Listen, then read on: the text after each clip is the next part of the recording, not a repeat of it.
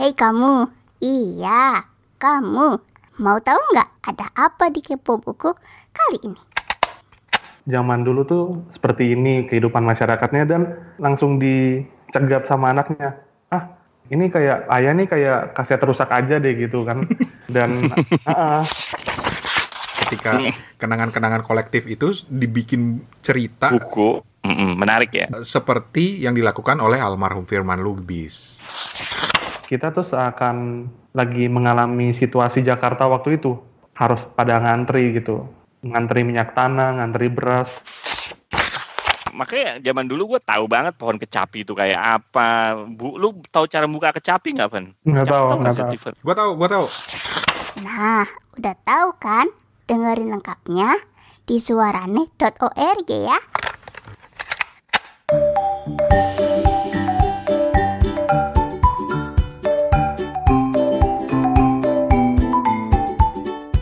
Hey there, apa kabar? Assalamualaikum, ketemu lagi di Kepo Buku. Ini adalah episode ke-26. Kepo Buku adalah tiga orang teman di tiga negara yang doyan ngobrol apa pun soal buku. Mereka adalah Steven di Ambon, Ambon itu masih bagian dari Indonesia. Terus ada Toto, anak asli condet yang tinggal di Singapura, kadang-kadang dia juga melipir ke Kuala Lumpur. Dan ada gua, Rane, anak asli Bojongkulur yang lagi nyari duit di Bangkok. Bojongkulur di mana? Aduh, Bekasi coret lah. Oke, kalau di episode ke-25 yang lalu, gua sama Toto yang lebih banyak cerewet, kali ini Steven yang kita minta gantian cerewet. Ya malum ini anak rada pemalu, walaupun sebenarnya kalau udah kenal dan udah ketemu langsung, malu-maluin juga sih anaknya. Tapi dia ini meskipun irit kata, sekali ngomong coy, dahsyat banget. Nah, Steven ini sepertinya punya ketertarikan pada sejarah, khususnya tentang sejarah di kota ya. Jadi hari ini dia mau cerita tentang dua buku mengenai sebuah kota yang sudah disepakati bakal berubah status dari daerah khusus ibu kota menjadi provinsi biasa. Lo bayangin, bentar lagi anak Jakarta bakal disebut anak daerah cuy. nah, dua buku yang mau di-share Steven ini eh, satu eh, lebih ke buku sejarah ya, tapi buku sejarah yang unik ya. Dan satu lagi adalah fiksi, tapi berlatarkan Jakarta. Penulisnya sama-sama bermarga Lubis, satu Firman Lubis dengan bukunya Jakarta 1950 sampai 1970. Ini bukan sembarang buku sejarah ya, ntar lo dengerin sendiri. Terus buku kedua ini fiksi yang berjudul Senja di Jakarta, karya wartawan senior Muhtar Lubis.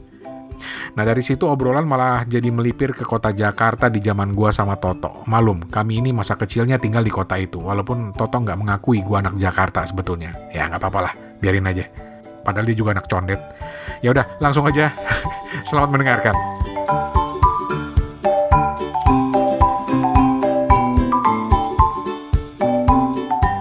Jadi Steven punya buku karya Firman Lubis, judulnya Jakarta 1950-1970.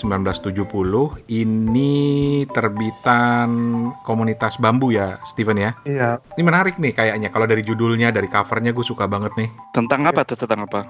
eh, buku ini pada dasarnya tiga buku yang dijadiin satu ya. Eh, buku yang udah pernah diterbitkan sebelumnya oleh beliau, Jakarta 1950, 1960, dan 1970. Hmm. Eh, yang aku baca ini di terbitan komunitas komunitas bambu yang terbit 2018 kemarin. Tapi masih masih enak masih masih inilah. Eh, pertama aku dapat buku ini tuh kayak surprise aja gitu kayak ini kok kelihatannya asik gitu kayak dia bisa cerita keadaan Jakarta zaman bahola gitu kan zaman 50-an zaman 60 gimana kondisi masyarakat eh, Tionghoa masyarakat Arab masyarakat India waktu zaman itu waktu awal-awal mungkin Jakarta baru em, mengalami pertumbuhan setelah kemerdekaan. Namun yang paling yang paling aku terkejut ataupun bukan terkejut sih tapi kayak ini buku yang bagus deh. Karena dia bilang kayak gini di awal buku pertamanya itu Firman Lubis bilang kayak gini. Anak-anaknya tuh sering diceritain kan. Dulu tuh keadaan Jakarta tuh mungkin Bang Rani juga mungkin pernah kejadian gitu ya. Mhm. Ah, ayahnya untuk untuk uh, mengisi waktu, untuk luangin waktu bersama dengan anak-anaknya, ngobrol, ceritain. Dulu tuh uh, mungkin Lampung nih kayak gini, mungkin Jakarta tuh zaman dulu tuh seperti ini kehidupan masyarakatnya dan uh, almarhum Firman Lubis nih langsung dicegat sama anaknya. Ah, ini kan udah diceritain ini kayak ayah nih kayak kaset rusak aja deh gitu kan dan uh, dan dan aku kayak oh iya juga ya tapi lewat tulisan ini lewat buku ini mm-hmm. uh, almarhum bercerita kayak ya mungkin untuk sebagian orang yang udah pernah dengar cerita saya nih kayak apa sih ini lagi ini lagi tapi bila mana dibukuin itu bakal jadi sesuatu yang bermanfaat dan jadi sebuah cerita yang seru juga untuk orang lain gitu. Dan aku aku uh, menganggap buku ini kayak seperti itu kayak mungkin banyak orang yang dengar kayak semacam dongeng gitu tapi ketika orang lain mendengar dongeng tersebut mendengar kisah tersebut ya suatu saat mungkin akan bermanfaat untuk orang yang mungkin pengen nyari tahu gitu kondisi hmm. Jakarta tahun 1950-an 60-an itu seperti apa gitu. Taruh Nih buku ini jadi si penulis cerita tentang kondisi Jakarta di tahun-tahun itu ya 50, 60, 70 gitu ya. Iya, betul. Jadi ini bukan fiksi ya. Jadi bisa bisa nggak sih dibilang ini buku sejarah? Sejarah? Uh, bisa so. banget, bisa banget. Hmm. Dan kenapa uh, buku ini lebih mudah untuk dinikmati karena dia tuh kayak uh, menceritakan kondisi Jakarta tuh dari sepengamatan beliau waktu itu dia hmm. tinggal di daerah Menteng ya kalau nggak salah dan dia cerita banyak hal kayak yang aku jadi juga terpesona juga dengan kondisi Jakarta yang uh, dulu tuh banyak kebun ya kebun banyak, pak iya kebun buah dan banyak dijadiin nama-nama itu kebun nama-nama apa daerah gitu ya kebun jeruk segala macam hmm. dan soal pemindahan Taman Marga Satwa yang dari dulu di Cikini hmm. dari lahannya Raden Saleh. Hmm. Raden Saleh punya luas daerah yang disewain ya kalau nggak salah. Hmm. Dan karena pembangunan di sekitar Cikini itu udah mulai terpusat di sana, kebun binatangnya tuh harus harus digeser ke daerah Ragunan. Itu itu, itu diceritain di situ juga. Jadi apa yang membuat buku ini menarik bagi aku di 1950 1960 tuh kondisi masyarakatnya tuh seperti apa sih di Jakarta gitu fenomena-fenomena apa sih yang lagi lagi terjadi di situ dan ini sebuah buku yang sangat-sangat memikat dalam penceritaannya juga dan sebagai buku sejarah sebagai buku narasi sejarah populer ini patut untuk untuk dibaca untuk orang-orang yang pengen tahu latar belakang kondisi Jakarta zaman itu seperti apa sih gitu. Gaya bahasanya itu bercerita atau memang ya kayak buku sejarah gitu ya? Uh, gaya narasinya tuh bercerita tapi tetap runut dengan apa yang sedang dia bahas misalnya kayak kondisi sosial, oh. kondisi uh, lalu lintas ataupun tentang kehidupan dia di 50 tuh dia lagi lagi di masa apa sih? Lagi masa sekolah gitu.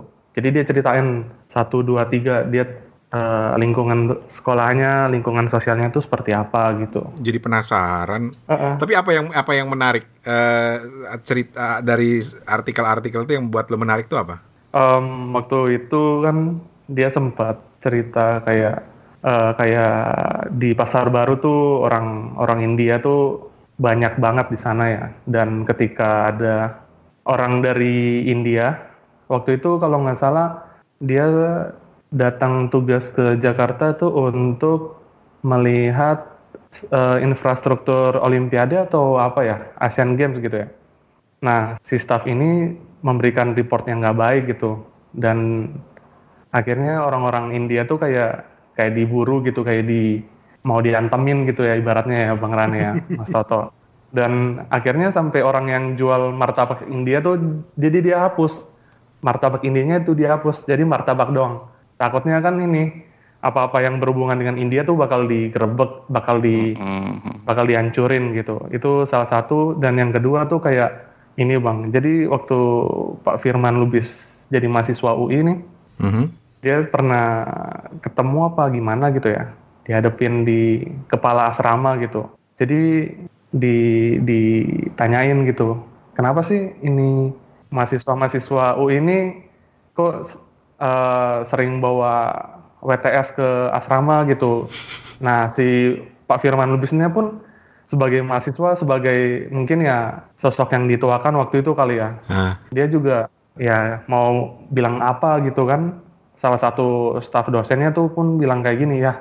Ini udah udah jadi rahasia yang umum gitu ya kayak Hmm. gimana lagi orang mau mencari pelampiasan ya masa muda gitu kan penatnya kuliah mungkin gitu. Ya mau dibilang gimana pun nggak bisa gitu. Oke. ininya serama UI tapi se sepanjang membaca buku ini tuh kayak kita diajak tamasya ke masa lalu dan aku kira ini ini nih boleh juga nih ya. Kita bikin bikin diary semacam blog gitu ya Bang Rane ya. Kayak Hmm, hmm.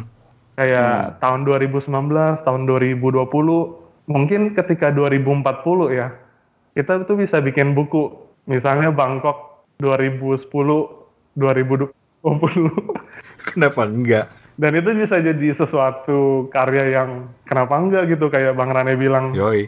oh iya ya, bisa juga gitu, kayak kita cerita aja gitu, kayak kita tulis hari ini eh, menara ini baru muncul nih. Nah itu ibaratnya atau mungkin perusahaan ini baru datang di di kota kami gitu. Ya itu kan Itu jadi menarik. kayak sebuah arsip arsip sejarah gitu ya. Bener, bener. Menarik banget. Dokumentasi urban di mana kita tinggal gitu. Dan Jakarta itu buat gue selalu menarik. gue masih ingat ke Jakarta itu eh, Monas tuh masih kelihatan jelas dari jauh gitu misalnya kan. Mhm. Ketahuan ntar umurnya gue kalau gue cerita. Tapi Udah ketahuan juga. Kar- karena gua tuh nggak nggak punya kenangan lama di Jakarta gitu ya. Eh gue masuk masuk Jakarta aja umur gua udah udah udah kelas 5 SD gitu ya. Sebelum itu gua Lo masuk, lo, lo kenangannya bukan Jakarta, lo kenangannya Pondok Gede Bekasi. eh enak aja Pondok Gede Bekasi pinggiran Jakarta. Sembarangan aja lo. Tapi Iya, tapi kan bukan Jakarta, administratif free. tapi lu kan orang Jakarta ya toh ya. Da- besar dan lahir di sana kan? Eh, ya dari umur tiga tahun lah. Umur tiga tahun. Hmm. Kenapa emang ya? Ya nggak apa-apa. Jadi lu pasti bisa lebih lebih relate kan? Eh, ya tapi ini cerita yang kayak gini tuh sebenarnya bagus ya. Dalam artian gini loh. eh, ini mungkin bukan dalam artian sejarah yang formal ya, tapi Iya sejarah betul. sebagai sebuah pengalaman kalau menurut gue gitu. Mhm. Yang ini seharusnya mengisi sejarah-sejarah formal. Gimana ya? Ibaratnya kalau gue bilang mungkin ya gue gue bukan bukan ahli sejarah ya, jadi gue salah ngomong aja. Ibaratnya sejarah yang formal itu kan lu skeleton gitu kan ya. Mhm. Eh, tapi yang ngisi ngisi pengalamannya, yang ngisi dagingnya gitu ya yang kayak gini-gini gitu. Mungkin nggak 100% benar karena bagaimanapun mungkin ini penceritaan pribadinya dia kan bisa jadi salah, bisa jadi benar gitu kan ya. Tapi ya menurut gua harus ada kayak gini banyak buku kayak gini gitu. Iya, emang menarik ya. Memang seperti Toto bilang tadi, dia bukan sejarah formal gitu, tapi lebih bercerita gitu. Ini, ini nih gue kutipin dikit ya. Boleh boleh. Eh, nih. Sepeda motor di Jakarta pada tahun 1950-an juga jarang sekali. Merek yang ada umumnya bikinan Amerika dan Eropa seperti Harley Davidson itu sudah populer dan ada klubnya sejak zaman Belanda. Eh, BSA, BMW, Jawa buatan Cekoslovakia, Ducati atau Mobilet dan Solet, eh, Solex lebih mirip sepeda yang diberi motor. Sepeda motor buatan Jepang seperti Honda, Yamaha, dan Suzuki yang sejak 1960-an menyerbu masuk dan merajai jalanan Jakarta belum ada di era 1950-an. Apalagi sepeda motor buatan Cina yang baru masuk Jakarta akhir 90-an. Mengendarai sepeda motor waktu itu umumnya tidak menggunakan helm. Keharusan menggunakan helm belum berlaku waktu itu. Saya kira eh, baru menjadi keharusan pada 1970-an diprakarsai oleh Hugeng Imam Santoso sebagai Kapolri di tahun 70-an. Bengkel-bengkel motor tukang bensin eceran yang menjamur sesudah 1970-an hampir tidak kelihatan. Di Jakarta tahun 1950-an jarang terjadi kemacetan atau tabrakan.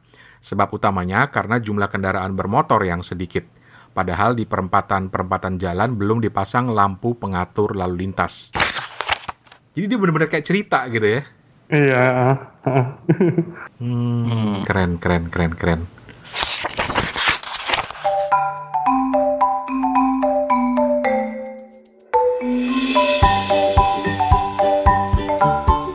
Condet gimana toh tahun 70 toh? Nggak tahu ya, gue pindah tuh tahun berapa? 80-an kali ya. 80 SD tuh gue umur berapa ya? Mungkin gue pindah Hmm. sekitar lap- tahun 80 kali ya di Condet. Gue juga masuk Jakarta 80-an dan Hmm. satu-satunya kenangan Jakarta Tempo dulu yang masih gua rasain tuh oplet yang bayar masih 5 perak. Hmm. Hmm. Desek-desekan nggak? Enggak, enggak desek-desekan. Oh gitu. Masih lancar semuanya dan walaupun gue pindah tahun 80-an awal tapi gue nggak pernah ke Jakarta, gue ke Pondok Gede bener kata Toto. Jadi gue nggak pernah ke tengah kota. Nah, tapi gue kata kalau gue di Condet kan dulu ya eh, orang Hmm. bilang dulu kalau zaman tahun-tahun 80-an gitu lu kalau rumah di pinggir banget sih lu gitu kan ya Hmm, kalau sekarang Condet udah bisa dibilang kita tuh tengah ya Hmm. maksudnya yang nggak tengah yang nggak tengah-tengah banget tapi ya orang sekarang tinggal lebih ke pinggir kan gitu lebih Hmm. uh, secara administratif bukan Jakarta tapi kalau gue dulu masuk ke Condet tuh udah kayak masuk hutan literally masuk hutan memang. Jadi ada sebelum masuk jali jalan raya Condet dari depan gitu ya. Itu gue tuh bahkan inget banget. Ada satu ja- jalan raya Condet itu harus masuk ke di mana lu tuh kayak masuk apa men? Kalau hutannya itu begitu lebatnya sehingga bisa ketutup gitu. Nah ja- antara kanan dan kiri itu pohon-pohonnya tuh bisa nyambung gitu loh men. Jadi kayak masuk benar-benar ditutup. Wah keren. Iya, itu masih ada zaman tahu zaman gua SD sampai mungkin kira-kira gua mau SMP. Jadi jalan raya Condet itu udah ada kan yang dari arah Cililitan ya? Udah ada Jalan Raya Condet. Hmm. Nomor Metro Mini T53 dari dulu sampai sekarang juga ada gitu. Udah ada. Udah ada. Jadi lu kalau mau dulu kalau ada lu di satu ketika pernah ngelihat di mana sopir Metro Mini kenapa duduknya miring, gue bisa jelasin secara sejarah men. Kenapa tuh? Metro Mini itu dulunya kecil men. Terus casingnya dibuat gede, casing luarnya. Hmm, tapi casing dasarnya tetap terkecil. Oke. Nah akhirnya itu kan jadi pedal gas segala macam tetap berada di tempatnya karena casingnya kecil. Ah, Tapi kan casing luarnya digedein. ah. Itu tempat duduk sopir jadi agak ke keluar kan, agak ke kanan kan. ah. Nah terpaksa lah itu sopir Metro Mini jadi duduknya miring. Mudah nggak maksud gue? Oh, jadi dia miringnya ke kiri Miringnya ke kiri. karena bodi mobilnya dilebarin. Bodi mobilnya dilebarin. Gua tahu pasti itu sejarahnya men. Tua lu ya, Tok.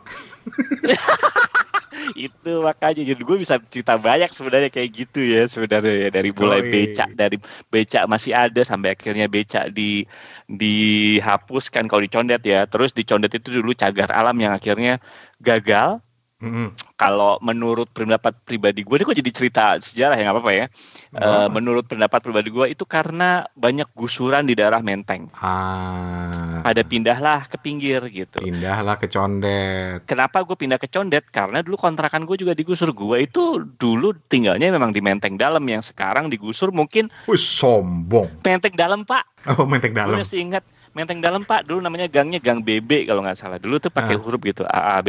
Daerah Palbatu situ. Yang sekarang jadi Satrio yang jadi Kasablanka tuh. Hmm. Nah dulu gitu. Sekarang mungkin rumah gue kalau dilihat-lihat ada yang jadi jalan. Pindahlah pada banyak pindah ke Condet gitu kan. Hmm. eh, tipikal orang eh, Betawi condet waktu itu kan tanahnya gede-gede gitu ya. Hmm, hmm. Terus eh, dijualin misalnya buat naik haji kayak gitu gitulah. Dan dulu gue masih makanya zaman dulu gue tahu banget pohon kecapi itu kayak apa. Bu, lu tahu cara buka kecapi nggak, Van? Nggak tahu, nggak tahu. Gua tahu, gua tahu. Gimana coba? Dijepit pintu. Nah kan bener kalau orang kampung tahu. Kita orang tahu. Lu tinggal di Pondok Gede. Gue yakin kalau lu tinggal bener-bener di kota mungkin lu nggak bisa Eh. nggak nggak tahu cara buka kecapi gimana kan ya karena kita tinggal di daerah pinggiran kayak gitu gitu Karena kulitnya kan tebel. Jadi dia Mm-mm. harus dijepit pakai pintu paling dicepit gampang. satu-satunya paling gampang jut pakai pintu gitu. Bacang lu tahu namanya bacang nggak? Bukan bacang yang nasi itu ya, ya kayak gitu gitulah. Mangga. mangga bacang kue ini ya kalau orang Jawa bilang Hmm. gitu kan. Nah gitu-gitu. Nyamuk gede-gede tuh. Nyamuk tuh literally gede ya tapi bukan nyamuk bukan nyamuk comberan. Nyamuk kebon men. Di belakang rumah gua itu masih banyak monyet men. Sekrompolan monyet segerombolan monyet nggak cuma satu dua tiga gitu eh, monyet yang di Bali itu yang banyak itu kalah sama monyet di belakang rumah gua condet seriusan Jadi Nah, jadi gue masih inget lah kayak gitu-gitu. jadi lu bayangin kurang lebih Hmm. ceritanya eh, almarhum Firman Lubis ini ya seperti Toto ini cerita tentang lingkungan dia gitu ya. Dan lu bayangin ketika Hmm, kita hmm, semua punya cerita-cerita seperti itu, itu kan setiap orang kan punya punya kenangan kolektif kan tentang sebuah Betul. kota misalnya. Betul. Itu akan menarik gitu loh. Mm-mm. Kayak gue di Pondok Gede, cerita Pondok Gede mungkin akan bisa nyambung ke cerita Toto yang di Condet karena kalau Pondok Gede lurus tuh nyampenya ke Condet gitu loh. Mm-mm. Dan dan orang kalau di tahun-tahun gua gitu, ketika di tahun-tahun gua gitu, Fen ya, gua tuh Hmm. tahu bagaimana dulu Pondok Gede ada yang namanya ujung aspal. Gua tahu banget. Karena memang itu Ujungnya aspal. aspal kelar selesai itu. kelar gitu.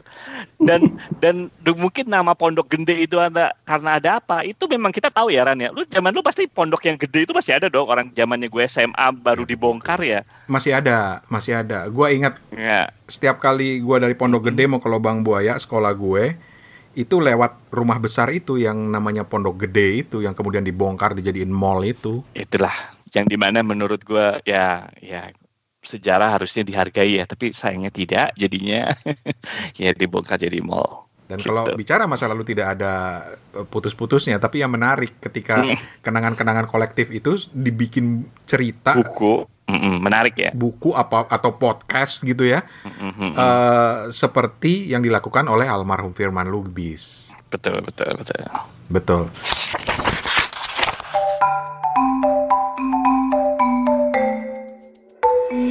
Dan masih bicara soal Jakarta, Steven juga kayaknya temanya lagi tertarik sama Jakarta. Lu jangan-jangan mau pindah ke Jakarta, lu, Van? kalau enggak. Jakarta Van Pacar di Jakarta Enggak. kayaknya pacar nih. Enggak, enggak ada. Tapi buku keduanya Steven adalah Senja di Jakarta eh, Muhtar Lubis ya. iya, betul. Ah, Oke, diceritain dikit nih.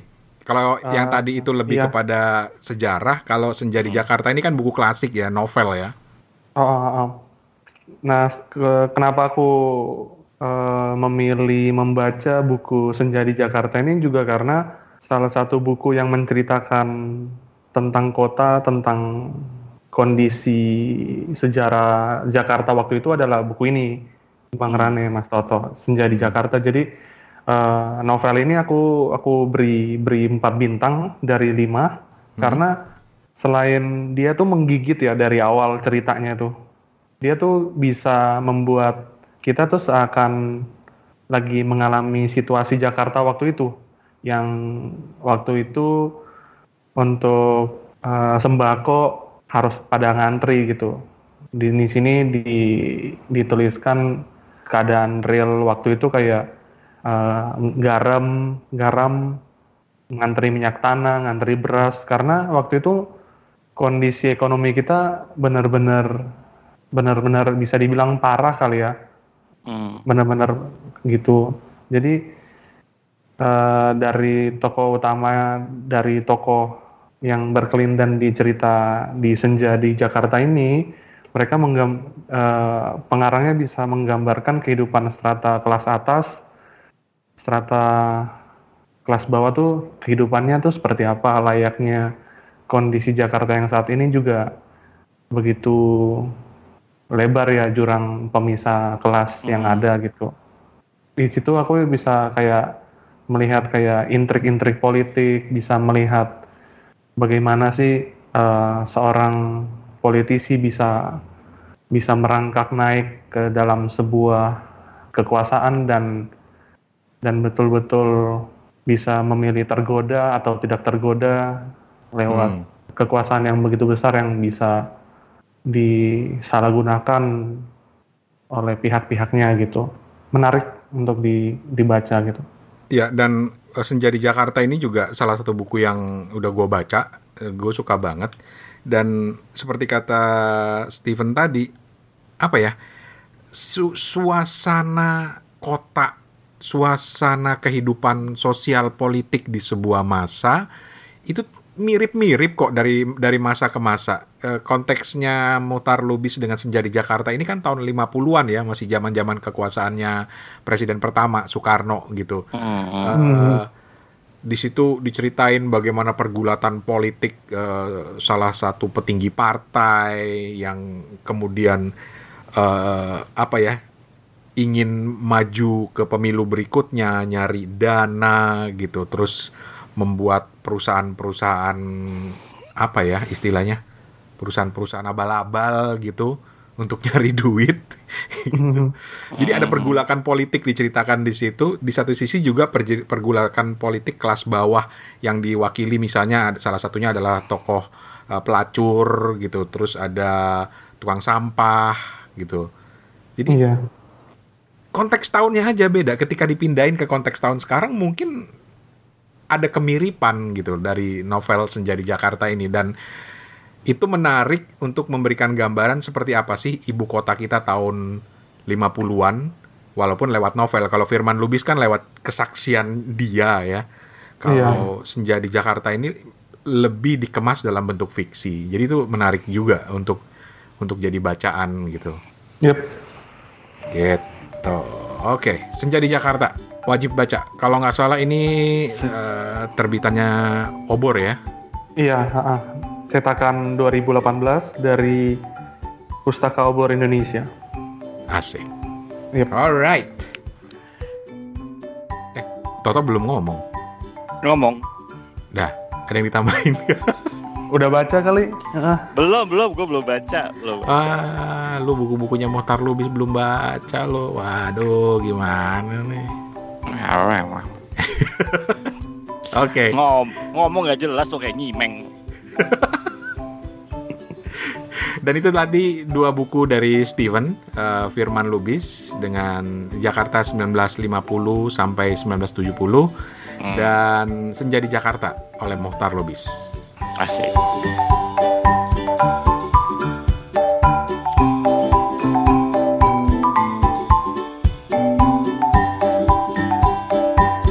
Oke, itu tadi dua buku yang diulas sama Steven. Eh, lu ada yang mau komen, eh, silakan email di suarana@gmail.com. Di SoundCloud juga bisa ninggalin komen di sana. Terus kalau lu pakai aplikasi keren yang namanya Breaker, ini aplikasi podcast yang keren banget, udah ada di Android, baru-baru ini ada di Android. Eh, di situ lu juga bisa komen. Kita juga masih nungguin review-review buku dari teman-teman semuanya. Ini review audio ya, direkam suaranya, rekam pakai handphone, eh, boleh juga atau pakai yang lain juga boleh. Kirim ke suarane@gmail.com atau pakai eh, voice note di WhatsApp ke 087878505012 087878505012. Oke, sebelum pamit kita mau umumin siapa yang berhak dapat giveaway dua buku dari kita yang udah kita umumin di beberapa episode sebelumnya. Tiga episode sebelumnya kalau nggak salah. Nah, dari 3.921,3 orang yang ikutan, kita pilih yang paling mendekati. Dan pemenangnya adalah paling dekat itu adalah Sheila Salsabila atau akun Instagramnya Owl Shell. Karena Sheila ini paling dekat angkanya ya, yaitu 136 buku.